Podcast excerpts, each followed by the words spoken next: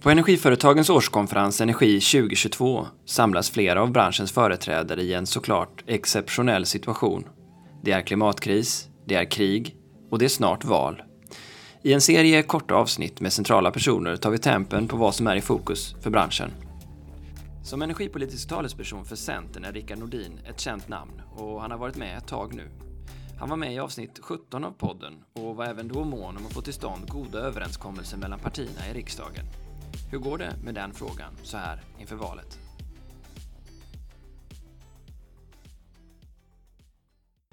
Hej och välkommen tillbaka till Energistrategipodden Rickard. Ja men kul att vara här. Elektrifieringsstrategin, förändrar den någonting i grunden positionen eller debatten för den, den politiska delen av energifrågan?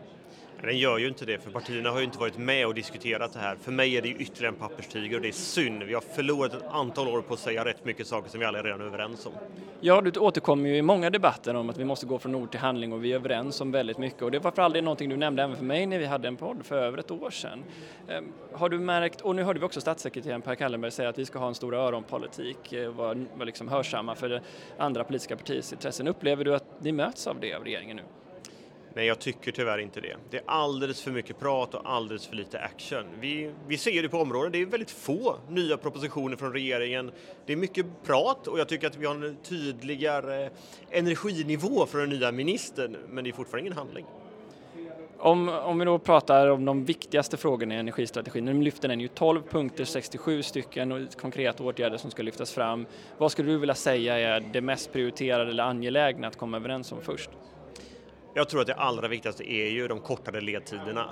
Vi har inte tiden på oss och sen följer det rätt många andra saker utifrån det, hur man ska öka lokal acceptans och annat.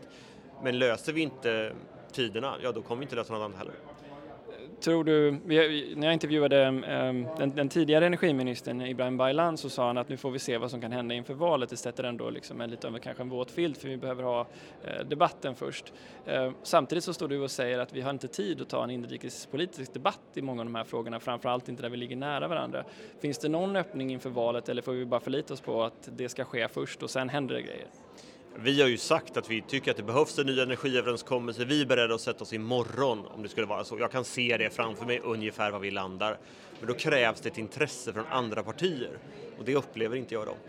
Svensk Vindenergi gick ut och visade att eh, 8 av 10 tillstånd får nej från eh, kommuner eller, i, eller får nej i tillståndsprocessen. Eh, vad tror du är den viktigaste åtgärden för att komma liksom, till ett högre tempo i utbyggnaden av svensk vindkraft?